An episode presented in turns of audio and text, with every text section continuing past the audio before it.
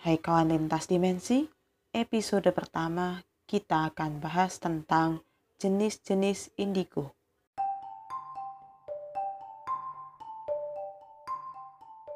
Sampai dengan saat ini dikenal indigo itu sebagai orang-orang yang memiliki kemampuan lebih untuk melihat hal gaib terutamanya penampakan hantu. Padahal indigo tidak hanya itu saja karena indigo itu sendiri dibagi menjadi empat jenis. Sebelum kita memasuki lebih dalam lagi tentang indigo, saya akan jelaskan dulu bahwa indigo itu sendiri adalah warna aura dari seseorang. Warna aura yang dimaksud adalah warna aura dasar karena ada aura yang lapis luar agak ke dalam kemudian semakin dalam dan yang paling dalam lagi adalah yang dasar. Nah, yang dimaksud adalah aura yang dasar. Dan aura dasar ini tidak akan berubah sampai kapan pun. Jika aura itu berwarna indigo atau biru keunguan, ini ada ya di dalam spektrum warna, maka itulah yang disebut sebagai indigo atau anak-anak indigo karena biasanya indigo itu terjadi pada anak-anak kecil, bukan yang orang dewasa. Jadi indigo itu pun tidak bisa dikategorikan kepada orang yang sudah dewasa kemudian dia bisa melihat penampakan makhluk gaib dan dikatakan dia adalah seorang indigo. Itu tidak bisa. Jadi kembali lagi bahwa indigo yang sesungguhnya adalah justru dia yang masih anak kecil tetapi bisa terbawa sampai dengan dia sudah dewasa nantinya. Nah eh, apa saja ciri dari indigo ini? Pertama dia memiliki jiwa yang lebih tua daripada anak-anak seumuran lainnya. Nah, yang kedua, pemikiran dia tentu ya karena jiwa yang lebih tua, otomatis pemikiran dia sedikit nyeleneh dengan anak-anak pada umumnya. Jadi bahkan orang dewasa yang saat itu pun ada di sekitar dia belum tentu bisa menjawab pertanyaan dia. Lalu ada juga yang diikuti dengan yang ketiga ya, empatinya dia lebih tinggi terhadap orang lain. Memang terkadang rasa empati ini menyiksa bagi mereka dan itulah sebabnya mereka sering kali nampak acuh tak acuh padahal sebetulnya mereka sangat peduli sekali dengan orang lain. Oke, itu ciri secara umumnya dan untuk jenisnya ada apa saja setelah ini saya akan bahas keempat jenis indigo yang ada.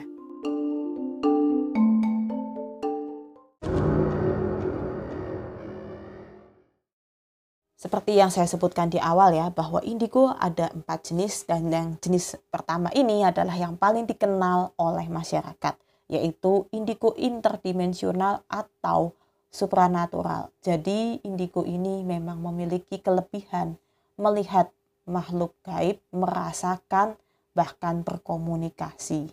Tetapi tidak semua indigo supranatural bisa berkomunikasi ya. Ada yang hanya bisa sampai tahap melihat saja, ada yang memang bisa sampai tahap berkomunikasi.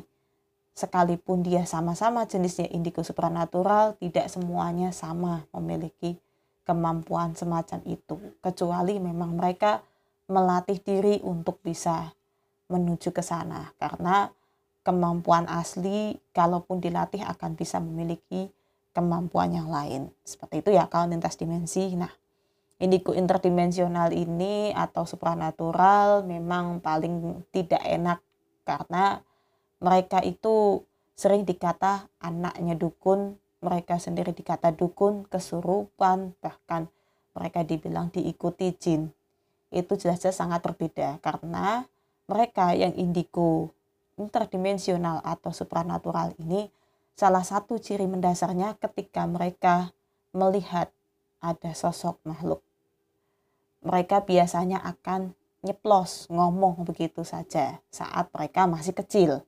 Tetapi ketika mereka sudah mulai beranjak dewasa, sekalipun itu nampak, mereka hanya diam saja atau akan mengalihkan yang lain karena mereka akan cukup berhati-hati untuk menyebutkan jenis makhluk apa yang ada di hadapan mereka.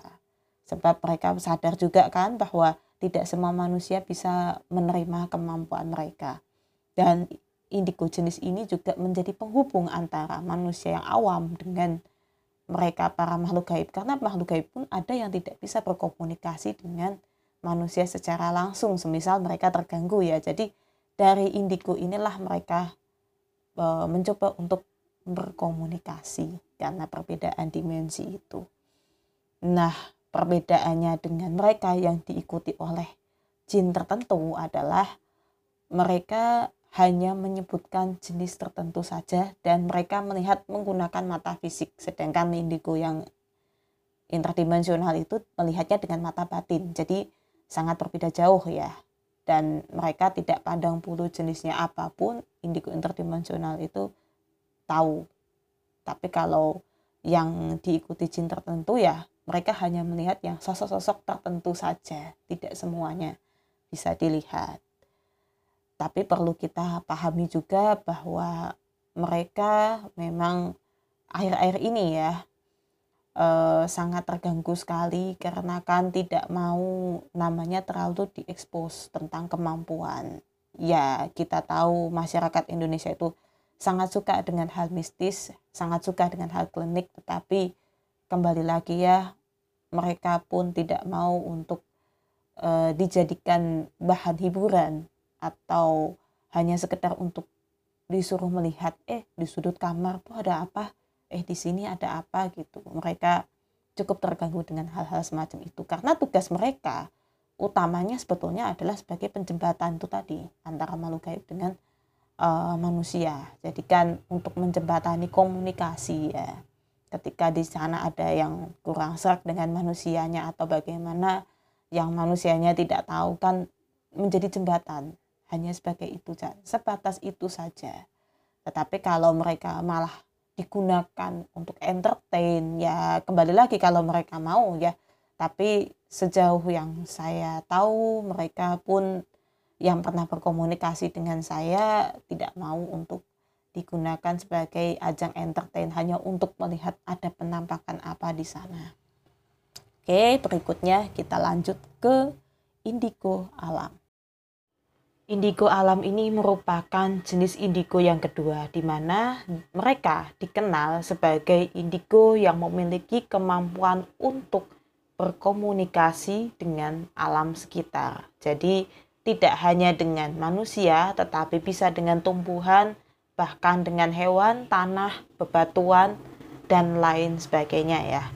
Jadi, memang indigo alam ini cukup sulit untuk diidentifikasikan karena mereka itu ketika berkomunikasi dengan alam bukan seperti kita berkomunikasi ya mulut terbuka kemudian mengeluarkan suara sering-seringnya mereka ini malahan diam jadi menggunakan bahasa dari hati ya untuk berkomunikasi dengan tumbuhan atau dengan tanah ataupun bahkan dengan bebatuan sekalipun memang eh, yang dikenal dari indigo alam ini adalah mereka bisa memberitahu tanda-tanda jika akan terjadi bencana alam. Memang sih eh, apa mereka kalau pada saat awal-awal ya masih polos. Jadi kalau ada tanda alam yang begini langsung mereka akan bilang wah bakalan terjadi bencana ini. Ya, tapi itu tadi biasanya manusia di sekitarnya tidak akan percaya dengan perkataan mereka dan baru percaya ketika memang sudah terjadi bencana alam itu ya tentunya terlambat ya ter, terjadi bencana kemudian mereka baru percaya iya kalau mereka selamat kalau mereka tidak selamat ya kita tidak pernah tahu dan memang salah satu fungsinya tidak hanya sekedar memberitahu tentang bencana alam tetapi untuk mengajak itu ya manusia-manusia ini untuk tetap menjaga kelestarian alam.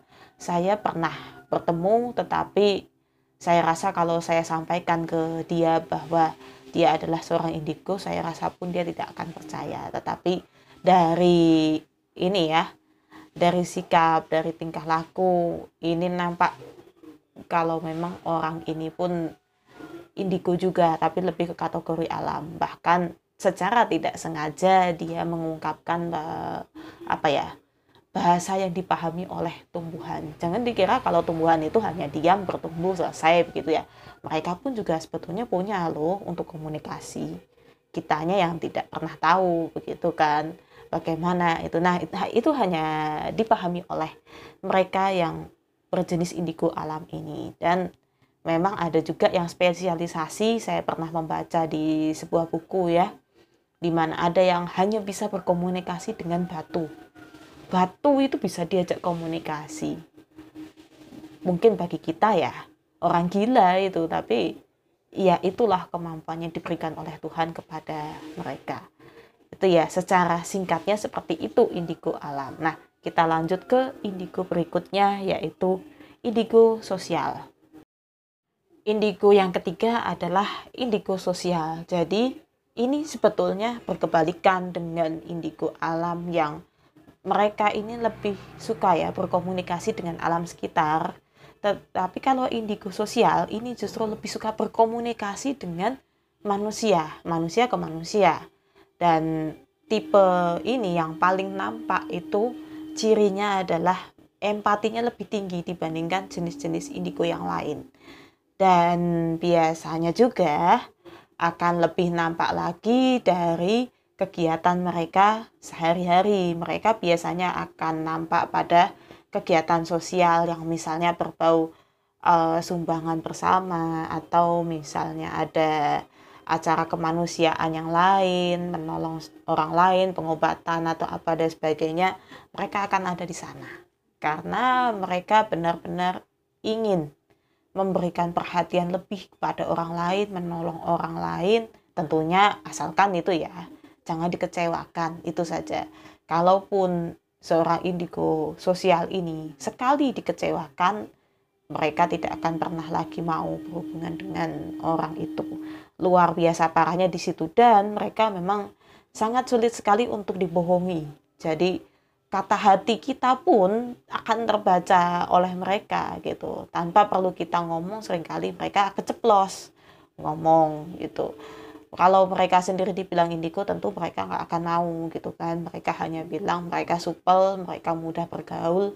Eh hanya itu saja. Dan mereka akan bilang e, mudah sekali untuk kasihan tetapi satu saja kesalahan yang kita perbuat ke mereka fatal akibatnya besoknya dia akan sulit sekali untuk percaya pada kita apalagi kita sampai berbuat bohong kepada mereka sudah ataupun berkata bohong sama mereka, ya berakhir sudah.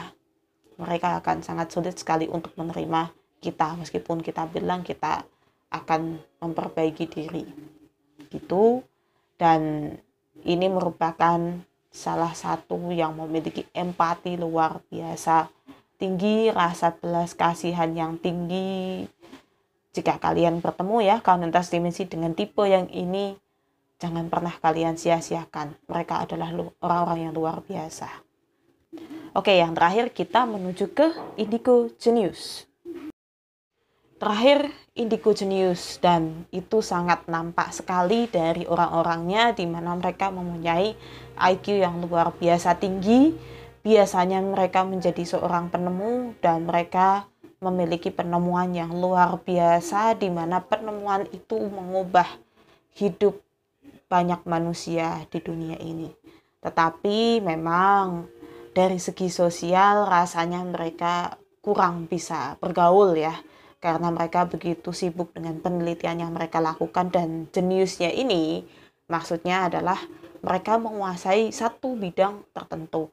Sebetulnya banyak juga eh, orang-orang uh, yang penemu-penemu di luar sana yang sebetulnya mereka ini indigo loh kita tidak pernah menyadari. Jadi uh, saya rasanya tidak perlu sebut nama ya kalau sudah sampai di sini kalian pun pasti tahu kan ada yang mereka padahal aneh kan dari lahir uh, tuli tetapi kok bisa bermain piano luar biasa bagus bahkan musik alunan musik pianonya sampai dengan saat ini pun masih enak untuk didengarkan.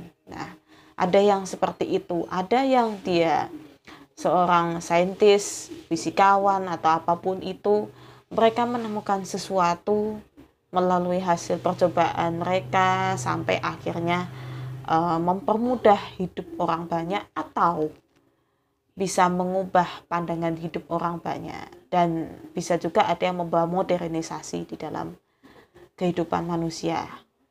Tetapi memang itu tadi ya kelemahan mereka adalah susah sekali untuk bersosialisasi sehingga mereka butuh seseorang asisten lah ya yang bisa memahami bahasa mereka dan asisten inilah yang akan selalu mendampingi mereka.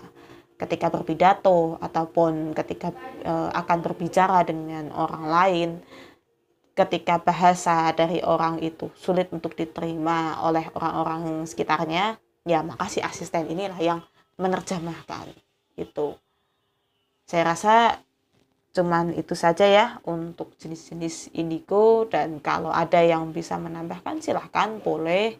Kita bisa bertukar pikiran di podcast lintas dimensi ya. Bisa di IG-nya boleh mau pesan suara melalui Anchor juga boleh. Saya akan senang hati kalau ada yang mau berdiskusi. Oke sebelumnya saya akan memberikan sesuatu dulu sebelum podcast ini ditutup. Keempat jenis indigo tadi sudah saya jabarkan ya, ada indigo interdimensional atau supranatural, indigo alam, indigo sosial, dan indigo jenius. Bisa saja seseorang itu terdapat dua jenis indigo di dalam dirinya. Bisa jadi dia indigo interdimensional dan indigo jenius, bisa juga dia indigo sosial dan indigo alam. Tetapi tidak memungkinkan jika di dalam satu orang itu terdapat keempatnya. Itu yang perlu dipahami oleh kawan lintas dimensi dan kembali saya ingin berpesan bahwa indigo itu ya manusia. Sama kok seperti kita dan mereka juga beraktivitas sama seperti kita. Tidak ada kelebihan yang apa ya bisa dibilang lebih baik mungkin dari kita bahkan maaf kehidupan mereka itu luar biasa berat. Jadi jangan pernah mau untuk menjadi indigo. ya, karena memang mereka jangan dikira orang-orang itu begitu mudah ya percaya dengan mereka ya. Orang-orang malah sulit untuk percaya dengan mereka dengan keahlian yang diberikan oleh Tuhan kepada mereka maupun yang mereka asah sendiri. Dan terakhir sebelum saya tutup adalah mari kita sama-sama ya. Jangan merasa bahwa kalaupun kita ini sudah indigo jangan pernah kita merasa untuk sombong. Jangan pula merasa bahwa kita bisa di atasnya. Itu dan perlu kita pahami juga bahwa seorang indigo pun memiliki misi dan tugasnya masing-masing dan mereka akan terus menjalankan tugas itu seumur hidup mereka. Itu saja pesannya dan semoga kalau lintas dimensi paham bahwa menjadi indigo itu berat. Ini bukan kata Dilan tapi kata saya ya. Dan perlu dipahami juga agar sudahlah kita berhenti untuk uh, berpura-pura menjadi mau indigo, mau apa pun itu, mau ahli apa pun itu. Kalau memang kita tidak ada kemampuan di sana karena apa? Mereka yang asli pun tidak pernah mau untuk terekspos secara luas. Kecuali memang mereka menginginkan untuk edukasi tentang apa yang mereka tahu. Oke, cukup sekian. Terima kasih dan salam.